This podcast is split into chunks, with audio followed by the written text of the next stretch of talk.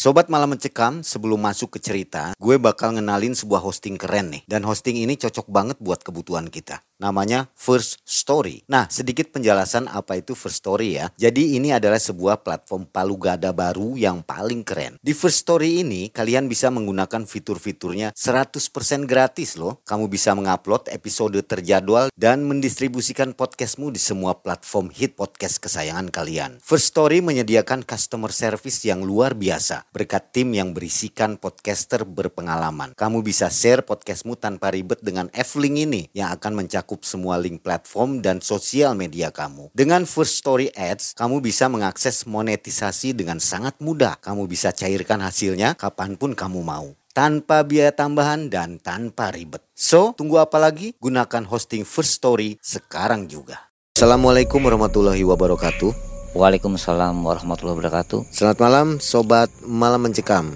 Jumpa lagi bersama saya Mang Ei dan tim yang kali ini akan kembali mengantarkan kisah nyata seseorang yang akan berkisah tentang masalah pesugihan. Lagi-lagi masalah pesugihannya. Yang masih penasaran tentang masalah pesugihan di sini banyak videonya untuk Anda tonton dan Anda akan mendapatkan informasi lebih tentang pesugihan yang tentunya jangan Anda lakukan ya. Mas Irfan akan berkisah tentang kisah nyatanya di tahun 96 pada waktu moneter ya, krisis Iya, moneter di mana Mas Irfan dan temannya pergi ke sebuah tempat untuk melakukan pesugihan. Tapi Mas Irfan tidak ikut pesugihan. Betul. Yang melakukannya adalah temannya. Temannya ya. ya. Baik kita ke Mas Irfan. Apa kabar Mas Irfan? Alhamdulillah sehat. Terima kasih ya sudah mau bercerita di Malam Mencekam. Ya. Mas Irfan boleh tanya-tanya nih usia berapa sekarang? 55, Pak. 55 ya. Profesinya apa? Saya dulu sales, Pak. Dulu sales, sekarang Di rumah saja. di rumah saja. Heeh. Hebat nih di rumah saja dapat duit nih. Amin. Amin. Mas Irfan kenapa waktu itu tahun 96 pergi ke sebuah tempat melakukan pesugihan? Katanya Bang Goib ya. Ya kurang lebih seperti itu, Pak. Kenapa Mas Irfan? Ya pada waktu itu kan lagi krisis moneter awal nih, Pak. Iya kan? Saya lagi bingung, ada bingung mencari ekonomi gitu kan supaya kalau saya menikah, jadi kan tidak bisa mensyaratkan istri gitu kan. Dan saya nyari-nyari ya udahlah, nantilah tunggu waktunya ya. Ya. oke. Oke. Sobat MM, mudah-mudahan semua selalu dalam keadaan sehat walafiat. Kita simak kisah dari Mas Irfan. Silakan. Mas.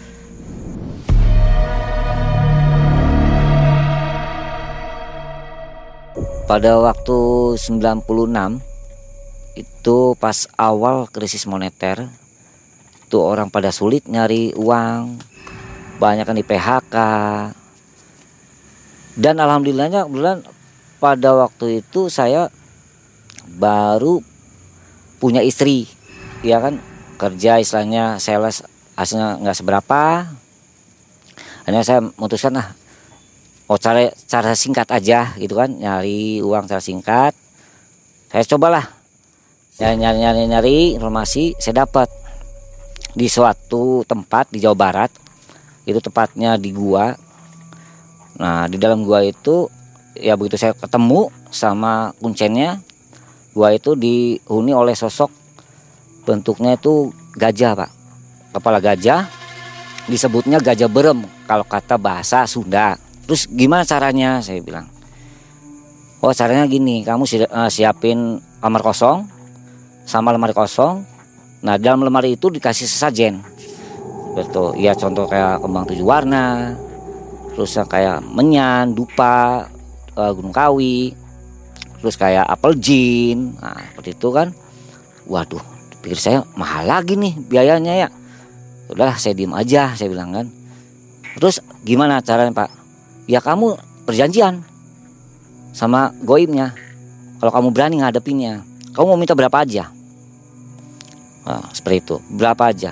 Yang saya minta? Iya saya minta. Berapa aja? Sok terserah kamu. Kalau kamu berani ngadepinnya oke lah kalau gitu.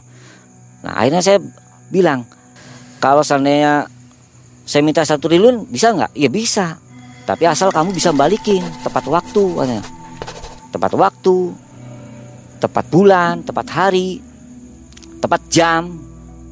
Oh begitu ya? Kalau seandainya ini nggak tepat waktu atau kurang pembayarannya kurang seribu perak gimana? Ya resiko kamu. Kamu yang jadi tumbalnya. Oh gitu? Oh iya. Ya udah saya bilang. Kira-kira dana berapa untuk sesajennya? Gitu kan? Pada waktu itu sesajennya tuh tahun 96 itu sekitar 3 juta 500an tahun 96 itu waduh saya bilang cukup gede banget. Ya udahlah akhirnya saya pending akhirnya saya reda tuh. Mau melaksanakan seperti itu akhirnya saya reda karena tidak punya duit.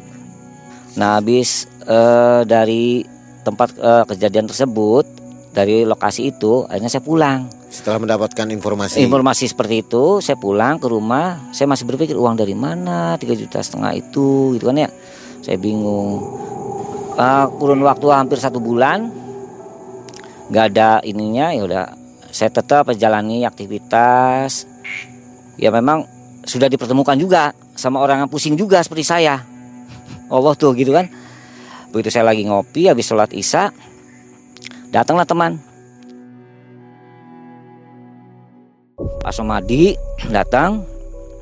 Teman-teman ini teman apa main udah gitu Mas waduh lagi ngapain katanya ya biasa lagi duduk santai saya bilang waduh saya pusing pusing apa saya kelilit utang banyak itu ini itu ini ditagih orang terus saya duber-uber terus nah terus gimana ada nggak ya? ya tempat pemujaan begitu uh, kasar ngomong nyupang lah ya.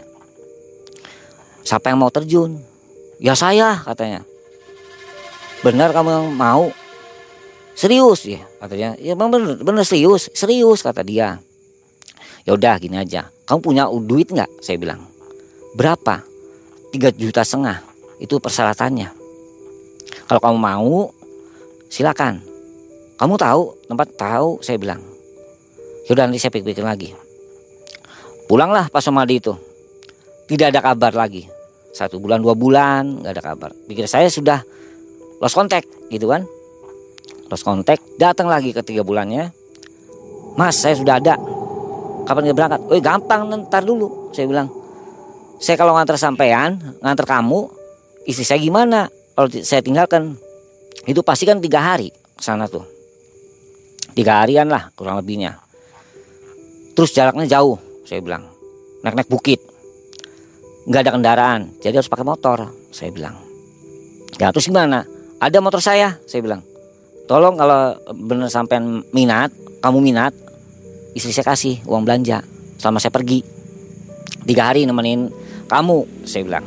Nah akhirnya Pak Sumada itu ngasih ke saya tiga ribu karena untuk ninggalin istrinya kan. Ninggalin uang ke istri saya. Saya pergilah. Pergi naik motor motor saya. Ya ada aja kendalanya di perjalanan tuh ya dilalanya ban motor saya bocor. Nggak nyampe ke sana terus udah ditambal. Hujan besar saya bilang ini ada masalah apa? Saya bilang ini apa ada yang kurang atau gimana? Apa dia nggak ikhlas atau gimana? Apa uangnya ini dapat gimana gimana? Saya nggak ngerti. Nah, saya berpikir begitu kan ini orang nih seperti apa nih? Kok kendala terus-terusan gitu kan? Sudah nyampe pas sampai tempat hampir mau tempat tujuan ada juga masalahnya. Motor saya rusak sama sekali total. Tidak bisa disela. Akhirnya saya dorong lah motor tuh berdua. Dorong. Akhirnya saya ke kuncennya. Itu turun bukit. Nah di bawah bukit itu kan ada pematang sawah tuh. Saya turun situ. Nemuin lah uh, juru kunci gua tersebut. Akhirnya Pak Somadi itu ngobrol sama kuncen sok silahkan utarakan pikir saya gitu kan. Sok silahkan ngomong. Apa? Kendala kamu apa? Ada cerita sama Pak Somadi uh, uh, udah siap uh, persaranannya? Sudah. Apa aja? Kata kata ini nih. Udah aja. Uh, Pak Irfan udah ngasih tahu. Ya udahlah. Akhirnya dikasih amalan sama ini kuncen. Kamu bener nggak takut? Nggak takut pak. Saya udah nekat. Ya udah siap kalau itu sih tapi saya nggak berani sendirian pak masuk ke dalam gua katanya kamu nggak takut kata si kuncen Ini masalahnya kalau kamu benar-benar mau silakan. Kamu udah keluar duit loh, kata Kuncen. Akhirnya saya bilang lagi, iya kamu uang dari mana? Kamu duit dari mana kan? Dapat tiga juta setengah. Sayang sayang kalau sampai gagal balik lagi. Ya udah nggak apa-apa lah. Udah begitu dia naik sama Kuncen bertiga, saya Kuncen sama Pak Somadi tersebut naik lagi. Nah, akhirnya saya mau ke tempat ujian nih. Pak Somadi nggak berani lagi. Pak tolong sih Pak, ya, antar saya Pak. Saya bilang ke Kuncen, gimana bisa nggak? Saya nemenin. Ya silakan aja. Kalau Pak Irfan kuat, sanggup, sanggup saya bilang. Temenin. Dari tempat pertapaan jauh nggak Pak? Saya bilang. Jauh lah, kurang lebih 500 meter. Udah. Hampir ini ya, uh, pokoknya jauh banget lah hampir saya tuh. Jalan raya, tapi ya lembah kayak gitu tuh. Jarang dilalui sama orang, jarang sekali. Lampu juga nggak ada, nggak ada penerangan di jalan itu nggak ada. Pokoknya benar-benar mencekam lah gitu kan. Ya pikir saya lah, nggak ada sih setan yang makan, pikir saya tuh. Karena saya tulangnya juga pahit, saya bilang gitu kan. Saya tekad, saya pengen tahu seperti apa bentuknya kan. Akhirnya masuklah berdua. Masuk ke dalam gua antar sekitar 10-20 meter itu senter baru mati total bet mati sama sekali. Kocok-kocok padahal baru baterai baru baru beli semua itu tuh. Saya bilang lilinnya nyalain lilin nyalain. Nyalain lilin. Itu lilin nyalain itu nampak kuntilanak pocong yang mukanya aduh hancur luar biasa sebenarnya saya sampai kaget di situ. Bulu kuduk saya merinding saya bilang.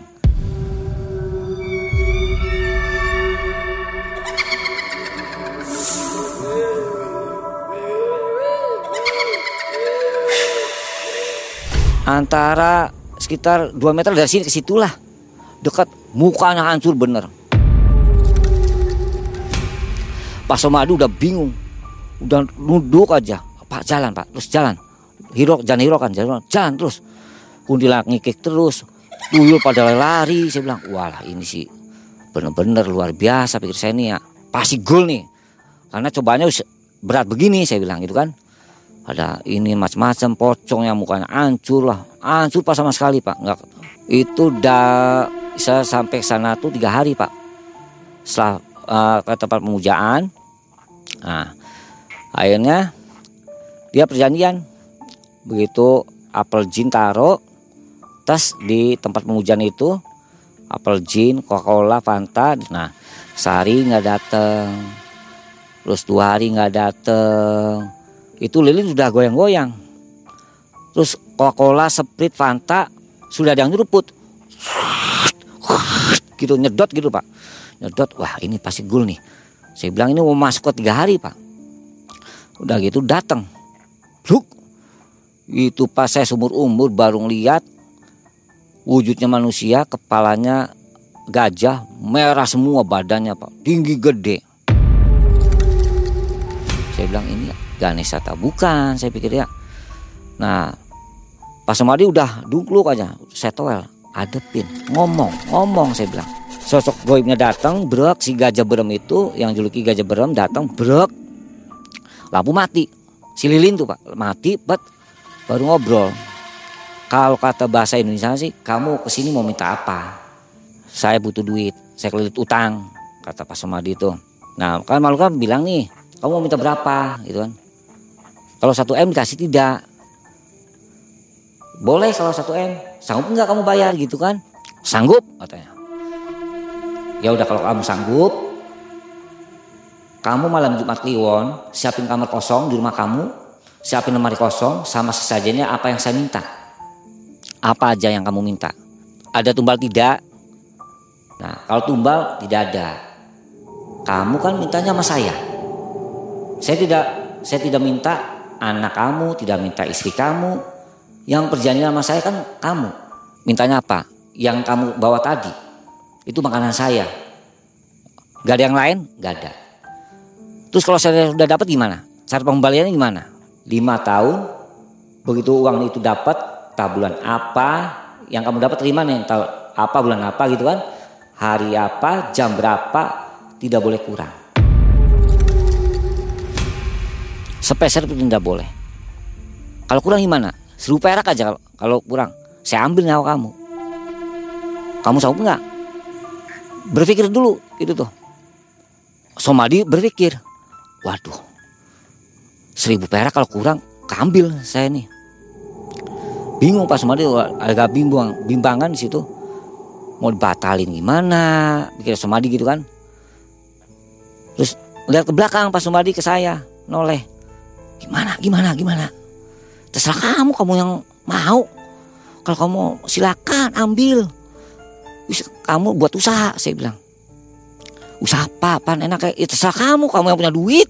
Ya oke sanggup. Hanya dia bilang itu benar kamu sanggup? Pikir matang-matang saya, saya bilang gitu pak ke Pak Somadi. Uslah saya nekat lah jadi kalau soalnya itu akhirnya perjanjian. Kalau di kita di dunia nyata itu kan ada materai pak. Dan segel kan? Nah, kalau utang ke bank-bank gitu kan, nah itu pakai darah pak. Darah ini dicoak sedikit tusuk gitu kan kayak tes darah gitu kan, nah, tusuk tantangan pakai darah dia. Di dalam gua tersebut.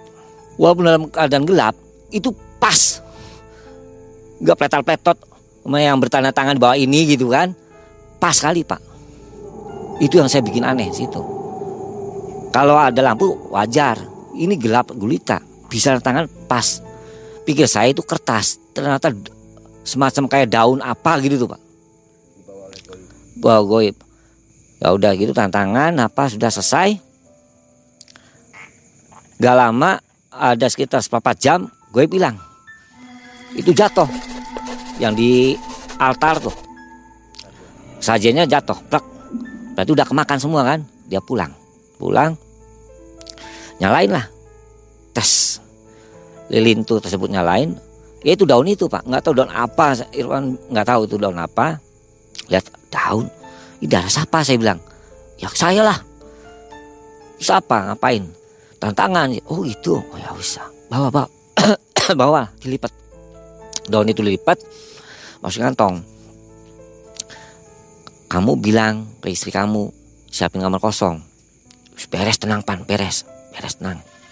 Kan dari altar itu kan udah seneng hati berbunga ya kan? Saya berpikir lagi ini dalam perjalanan aja nih 500 meter jauh banget. Ya kan? Namanya manusia kalau sudah dapat uang itu lupa. Dan rasa takut pasti hilang. Pikir saya ternyata Semadi belum boleh takut pak. Itu datang lagi yang gak kira-kira. Anak buahnya gajah burungnya datang. Waduh ngeri bertaring.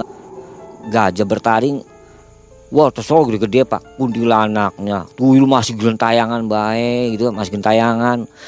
Pocong masih waduh berkeliaran saya bilang.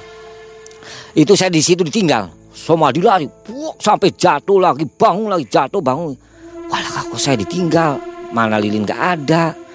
Ya udahlah Bismillah baik saya bilang keluar. Keluar. Sumadi akhirnya berdarah tuh. Karena jatuh sih pak. Dalam gua itu jatuh jatuh darah. Keluar Nah keluar akhirnya balik lagi ke kuncen. Pak, ini, oh ya udah, kamu berhasil. Tinggal siapin aja rumah, kamar, uh, rumah kamu kamar kosong, kamar kosong, tinggal tunggu. Kamu harus diingat bulan apa, begitu uang datang. Nah, terusnya jam berapa, hari apa, kamu harus ingat. Kata si kuncen, siapa, ya, itu. Akhirnya dari situ ngobrol-ngobrol-ngobrol-ngobrol. Ingat ya, jangan nyalain saya nih, kata si kuncen. Kalau tidak ada apa-apa, jangan nyalakan saya. Ya siapa? Udah gitu akhirnya senang kan? Pas Somadi senang, pas pulang, saya bilang, Pak Priben ki, gimana motor saya nih rusak nih? Waduh, gimana ya? Saya ada duit sedikit nih, bawa ke bengkel. Ternyata akinya nggak kesetrum. Akhirnya kan itu kondisi malam. Jadi saya nginep dulu di masjid daerah apa setempat situ. Akhirnya sudah dapat paginya saya kan turun tuh dari lembah tuh pak. Habis nginep dari masjid itu turun dari lembah. Nemuilah ini uh, toko kecil itu kan. Pak bisa ngecas nggak pak? Ada nggak bengkel di sini? Oh bengkel turun lagi pak. Ke bawah kurang lebih 100 meter kata dia. Karena carilah bengkel tersebut. Dapat setrum laki. Laki setrum kurang lebih ya dua jam. Saya nunggu sambil ngopi apa. Semadi udah seneng pak. Dapat uang kan? Udah seneng banget itu kan? Tinggal nyiapin kamar kosong lemari kosong sama sesajennya. Udah seneng udah bunga banget lah. Terus saya pas Madi ngomong tenang Van nanti kamu saya seneng kamu ikut seneng. Nggak usah dipikirin takutnya kamu lupa. Saya bilang gitu kan yang penting kamu sukses sudah saya senang. Kalau kamu ingat sama saya monggo saya bilang. Silakan. Hanya udah selesai aki udah dicas turun. Seneng apa? Ah pas pulang nggak ada masalah. Alhamdulillah saya bilangnya santai kan sembali seneng. Alhamdulillah alhamdulillah. Itu terus pada jalan-jalan begitu ada. Biasanya nih gila kan orang ini mau dapat uang sebanyak itu kan. Akhirnya begitu nyampe singkat cerita nyampe ke rumah cerita sama istrinya. Nah udah itu ya mungkin istrinya pusing juga sih pak. Karena kelit, suaminya kelit utang istrinya juga malu kan dia berutang terus kan.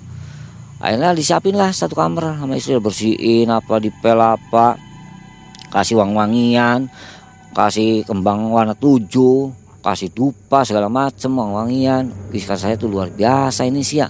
Benar-benar ya. Istimewa mau dapat duit pikir saya kan ya.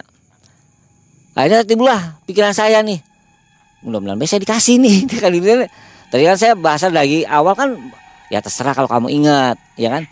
Tapi karena saya juga nganggur juga kan cari dunia susah non saya dikasih nih. Sekali itu ya ya udah senang nih saya pikir gitu kan.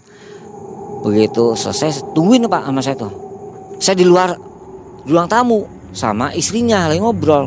Dalam tuh lodak lodak kenceng banget Astagfirullahaladzim, astagfirullahaladzim. Bingung saya tuh sama istri tuh, sama istrinya Pak Sumadi saya bingung. Pikir saya, ini ada si Pak Sumadi, apa lagi disiksa atau gimana, pikir saya tuh ya. Sob, sob, buka, buka, buka. Di situ saya kaget pak. Duit numpuk pak. Zaman dulu kan 50 ribuan, 50 ribu semua, numpuk bang satu lemari tuh sama lemari ininya juga sama lemari yang untuk gantungan baju sama lemari spa spa banyak nih sap sama tuh. Itu totalnya 1 m. Nah, dari tumpukan itu kan banyak nih pak. Penuh penuh semua itu. Lemari pakaian yang gantungan sama sap-sapan itu penuh uang semua. Nah udah gitu akhirnya saya ragu nih ada nggak nih satu m satu lemari? Penuh gitu kan? Pas enggak kurang enggak. Nah kalau kurang gimana? Saya bilang resikonya kamu loh kalau kurang. Kamu lu make kamu sudah kurang duluan gitu kan? Iya sih ya betul ya. Ya udah gini aja. Akhirnya saya ngasih saran kamu ada nggak koper yang gede banget? Saya bilang. Masukin uang itu. Terus ke mana? Bawa ke bank cek uangnya asli nggak. Terus dihitung jumlahnya benar tidak. Satu m yang kamu minta gitu kan? Betul juga aja kata kamu. Oke bawa enaknya jam berapa? Kata Pak Somadi tuh. Enaknya siang-siangan. Jam 11 atau jam 10 jangan terlalu pagi lah. Gak enak. Karena orang kantor kan jam 8 masuk kantor saya bilang. Jam 10 atau jam 11 udah aku siap. Tenang udah bensin nanti saya ganti lah. Saya isi bensin full lah gitu. Nanti uang istri kamu saya tambahin lagi. Bukan 300 lagi jadi 600 pertama kan 300 tuh awal berangkat. Ini kan 300 saya nggak pulang lagi kan mau tambahin lagi jadi 900 total semuanya. Jam 10 berangkat lah berangkat sana ke bank dicek. Ternyata asli di situ saya bengong. Luar biasa dihitung pas nggak ada yang kurang. 1 m. Nah akhirnya begitu di bank lagi si teller lagi ini ngitung-ngitung saya ngobrol sama Pak Sumardi. Ente apal tidak jamnya kamu dapat duit. Waduh, iya. Saya lupa jamnya aja. Jamnya lupa saya tuh. Waduh, bingung ya. Jadi dia nggak fokus ke jam. Seneng, nggak lihat. Begitu buka, nah situlah jam baru hitung. Wah ya saya lupa. Waduh, saya bilang. Aduh, bingung saya bilang. Itu teller lagi ngisi, eh lagi ngitung, ngitung uang. Saya bilang, Pak Sob, ini kamu jam aja kamu nggak tahu. Kalau kamu seandainya sanggup bayar nih. Dak 1 M. Ternyata kamu lebih satu menit atau lima menit modal loh ente. Mati kamu nantinya. Bingung juga ya. Pasrah belah ya terserah saya bilang. Kamu yang jalani. Yang penting saya dapat duit ya. Saya buat usaha buat bayar utang. Ya terserah. Tenang Van. Jangan khawatir. Kamu kasih komisi alhamdulillah ada mati. Tadinya saya gengsi gitu kan. Lah nggak mau lah. Yang penting kamu ingat ya syukur. Nggak ingat ya ngaji masalah. Biar saya pengen bantu kan gitu. Nah jadi nggak ada kecurigaan dari teller tuh. Uangnya asli gitu kan. Terus memang Pak Sumadi itu perawakannya sih memang kayak orang berada gitu loh. Kayak bos kayak fitur tubuhnya gitu kan. Udah ditumpas. Gimana Pak? Tawar sama teller. Mau masuk deposit atau gimana ya udah deposit. Apa uh, 300 uh, 300 juta waktu itu. Apa enggak ini? Apa enggak kebanyakan? Disindir begitu sama teller. Sob saya bilang ke sama Somadi itu tuh nyindir bang tuh. Kamu terlalu sedikit nyimpennya. Udah separuh aja. Takutnya kamu nggak bisa bayar loh nantinya. Iya ya tapi kira-kira utang saya nih kebayar nggak nantinya nih ya terserah kamu kamu utang berapa? Saya bilang. Akhirnya tambahin lagi sama Pak Sumadi jadi 400 tambahin 100 udah deposit masuk 400 sekali dibawa nih. Bawa pulang sisanya. Nah dari situ dalam perjalanan dia senang juga apa makan-makan. Makan dan terus jalan pulang lagi. Akhirnya ngobrol lagi di rumahnya ya dari situ akhirnya dulu kan dia terpuruk sekali rumah ngontrak utang banyak. Van dia nanya kamu punya rekening bank nggak? Tidak punya. Jadi gimana enaknya ya? Enaknya gimana? Apanya? saya bilang. Ya untuk ngasih kamunya. Ya terserah kamu aja. Mau ngasih saya berapa? Saya kelasnya kamu. Yaudah nanti saya kirim aja lah kamu punya uang apa nih? Uang ini yang saya bawa atau gimana? Tapi sekelasnya kamu nih saya nggak maksakan saya bilang. Takutnya kamu nggak ikhlas nggak ridho dimakannya saya nggak enak saya bilang. Ya udah oke siap. Nanti saya gampang ke rumah. Oh, udah oke lah senang saya masih punya duit nih 600 yang dari sana kan? Dari tempat lokasi kan? 600 saya senang kan? Pulang ke rumah. Mah ini rezeki. Tuh tenang saya bilang ke istri tuh. Saya juga seneng kan ini Pak Sumadi ini sukses. Sebulan dua bulan tiga bulan nggak datang datang pas ya pokoknya sebulan dua bulan tiga bulannya saya datang ke rumahnya yaitu pindah. Pindah. Saya tanya tangganya tidak tahu. Coba pak saya dengar dengar dia pindah. Coba tanya ke RT laporan tidak ke RT RT di mana bu? Saya bilang itu blok sini. Ya udah saya samperin saya tanya Assalamualaikum pak. Saya bilang pak saya mau nanya Pak Sumadi pindahnya ke mana pak? Laporan nggak bapak? Laporan pak. Ada apa pak? Nah pikirnya RT saya mau nagih hutang gitu. Karena Pak Sumadi diburu terus sama utang gitu kan. Jadi semua warga tahu RT juga sempat juga tahu. Enggak pak bukan masalah pribadi saya teman biasa aja nggak nagih hutang. Oh kirain dia udah ini enak pak bilangnya enak enak apa? Ya enak udah pindah aja. Menghindari orang. Oh gitu? Saya bilang. Oh. Saya dalam hati saya kamu nggak tahu ya Mas Bali sekarang seperti apa gitu kan. Nah ya udahlah. Kira-kira pindah ke mana pak? Beliau bilang sih ke Jakarta aja. Oh Jakarta. Bapak tahu Jakarta di mana? Ya nggak tahu cuma dia bilang begitu aja pak. Oh ya sudah. Nah situ saya putus asa. Ya saya tanya mengharapkan ya uang. Ya akhirnya saya ingat lagi sama istri ya udah kalau belum rezeki ya udah jangan dipaksakan. Istri saya bilang seperti itu. Akhirnya saya termotivasi lagi kan. Ya udahlah Lillahi ta'ala saya pulang dalam perjalanan sambil lamun ya saya itu ya Jakarta di mana? Kok manusia begini? Kok banyak ingkarnya ya kan? Kalau udah sukses lupa. Saya bilang kalau sengsara wah manis madu bahasanya begini kasih komisi lah itulah inilah. Begitu uangnya wujud nyata bisa digunain beda cerita.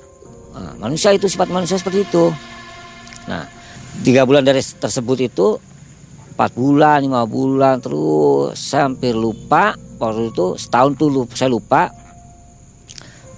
Pas dua tahun jalan tiga tahun jalan empat tahun istri muncul ngingetin Pak katanya perjanjiannya lima tahun ya Pak siapa lima tahun.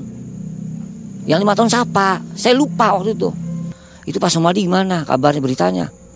Wah iya. Saya Uber lagi. Uber.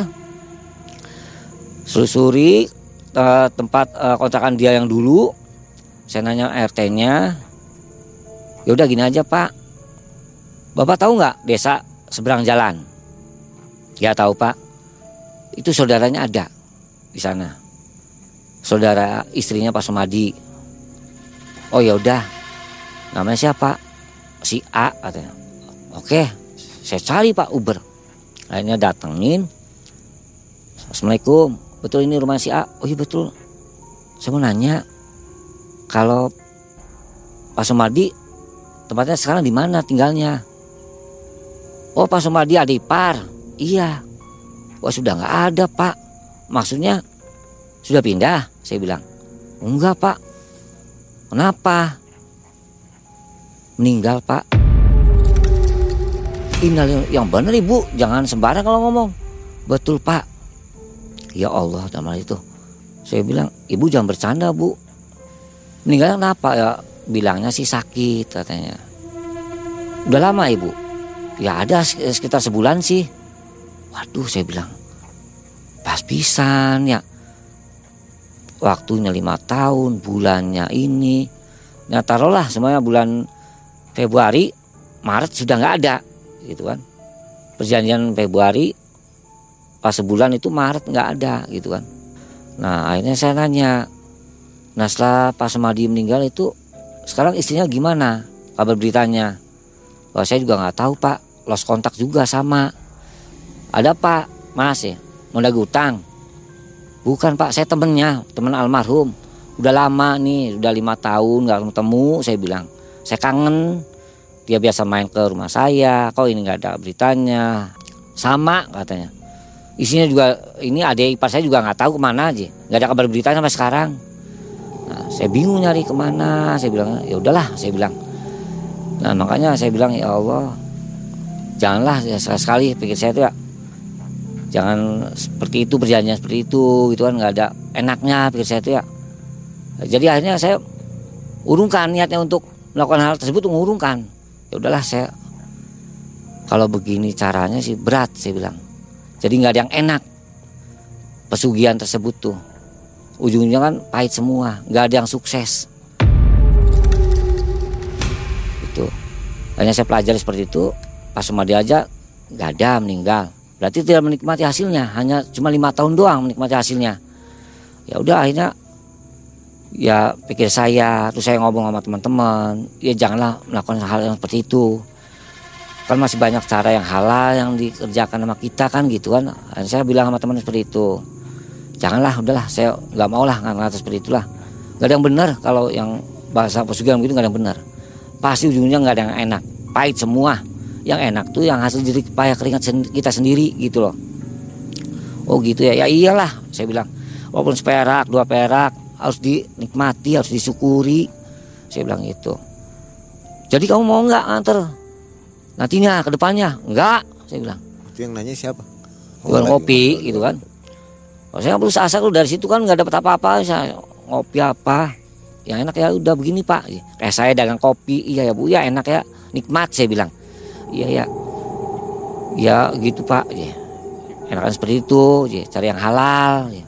waktu pertama pergi ke tempat itu hmm. melakukan pesugihan, kalau Mas Irfan pada waktu itu memiliki uang 3 juta setengah, pasti Mas Irfan melakukan pesugihan ya? Nah itu saya juga mikir dua kali waktu itu. Saya ada bersamuk, pengen begitu, pengen membagikan anak istri waktu itu ya kalau ada uang aja. Kebetulan memang Allah tidak merestui dan tidak meridoi untuk ke jalan ke situ.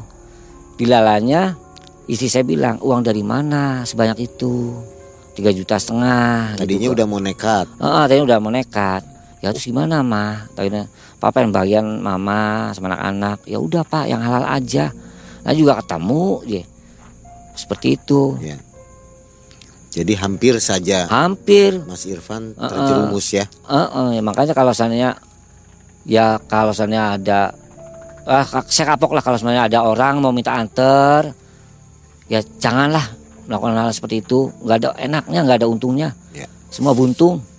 Sobat MM itulah pesan dari Mas Irfan bahwa pesugihan atau tumbal itu tidak pernah ada yang benar ujungnya ya. betul nggak ada yang benar. Selalu men- selalu meminta korban, jiwa. korban tapi nggak ada hasilnya ludah semua Kayaknya hanya sebentar, nah kemudian hilang semua. nikmat sesaat hancur segala-galanya Ya. gitu Jadi untuk sobat semua pikir seribu kali untuk melakukan pesugihan. Dari kisah-kisah MM ini kita memang memberikan kisah nyata supaya tidak melakukan hal ini. seperti itu lagi Jadi cerita ini jadikan contoh betul ya. dan Ambil yang cambuk positif, pos- ambil yang positifnya, betul buang yang negatifnya. betul Bukan mengajarkan Anda untuk melakukan pesugihan. betul Oke. Heeh. Baik, terima kasih Mas Irfan atas kisahnya. sama-sama Tapi sebelum habis, saya mau tanya, Mas Irfan ini pernah ke tempat pesugihan lain nggak Eh, di tahun sembilan- 90-an? 90-an pernah kejadian seperti itu juga. Itu tepatnya di Gunung Kemukus Hmm. itu. Cuman saya hanya cuma nanya-nanya waktu itu ke Kuncen. Nah, seperti itu apa Gunung Kemukus itu gitu kan. Nah, akhirnya ceritain tahun 90 itu tuh, Pak. Karena tidak tahu. Karena tidak tahu karena Jadi pen- bukan niat untuk ke sana. nggak ada. Saya hanya pengen tahu seperti apa kronologisnya gitu kan. Misalnya pengen kaya atau gimana, saya kan tidak tahu sama sekali awalnya. Oh, jadi ini versi tahun 90-an dengan yang sekarang kemukus berbeda ya. Beda banget, Beda tempatnya saja. beda tempat, Kalau persyaratannya sih tetap sama ya. sama. Baik. Heeh. Kita lemparkan ke penonton MM kalau ingin mendengarkan kisah Gunung Kemukus, pesugihan Kemukus tahun 90-an, Mas Irfan akan menceritakannya ya. Silakan komen Oke, di bawah. Mm, Oke, siap. Baik, terima kasih Mas Irfan. Saya Mangei akhirnya undur diri. Assalamualaikum warahmatullahi wabarakatuh. Waalaikumsalam warahmatullahi wabarakatuh.